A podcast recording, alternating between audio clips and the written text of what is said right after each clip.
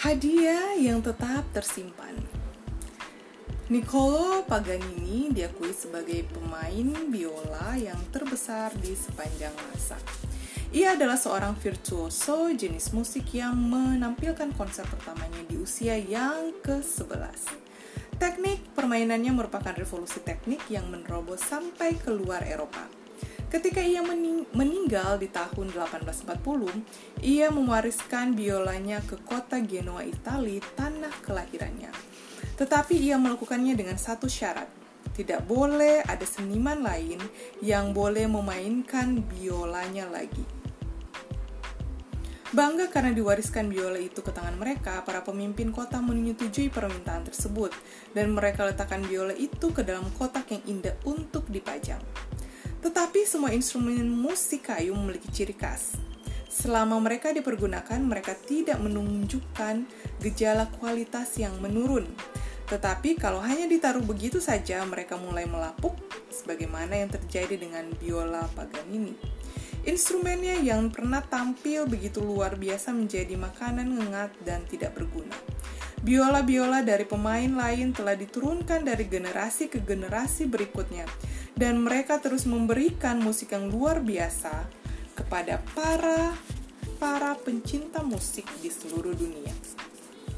Tetapi biola Paganini hanya merupakan seonggok kayu sebagaimana adanya. Tidak bisa dikesampingkan begitu saja seperti biola Paganini. Jika Anda tidak mengasah kemampuan Anda, kemampuan itu akan terus menurun sampai ke tahap tidak bermanfaat sama sekali.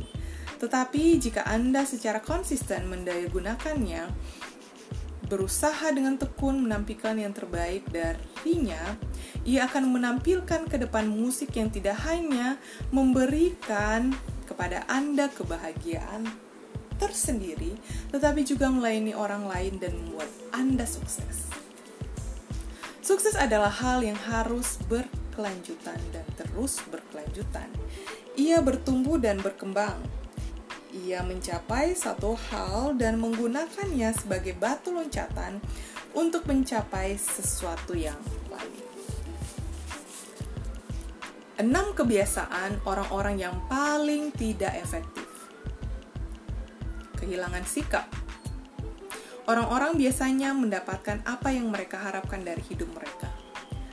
Harapkan yang terburuk dan itulah yang akan Anda peroleh. Berikutnya, berhenti berkembang. Orang-orang adalah apa mereka adanya, dan ke mana mereka menuju disebabkan oleh apa yang ada di dalam pikiran mereka. Semangat! Yang berikutnya, tidak memiliki rencana dalam hidup. Sebagaimana yang dikatakan oleh William Fitter, penulis dari The Business of Life, ada dua jenis kegagalan, orang yang mempunyai rencana tanpa bertindak apa-apa, dan orang yang tidak yang bertindak tanpa rencana apa-apa. Oh wow. Berikutnya, tidak bersedia berubah. Memiliki beberapa orang yang memilih lebih baik berpegangan pada apa yang mereka benci daripada memeluk apa yang mungkin lebih baik karena mereka takut memperoleh sesuatu yang lebih buruk. Well, it's terrible. Berikutnya, gagal dalam hubungan dengan orang-orang lain. Orang-orang yang tidak dapat bergaul dengan orang lain mungkin tidak akan pernah bergerak maju dalam hidupnya. Oh, this is so deep. Tidak mau bayar harga kesuksesan. Jalan menuju sukses selalu menanjak. Setiap orang yang ingin memperoleh banyak harus mengorbankan banyak. Penghargaan yang tertinggi untuk pekerjaan Anda bukanlah apa yang Anda dapat karenanya, tetapi siapakah Anda jadinya olehnya.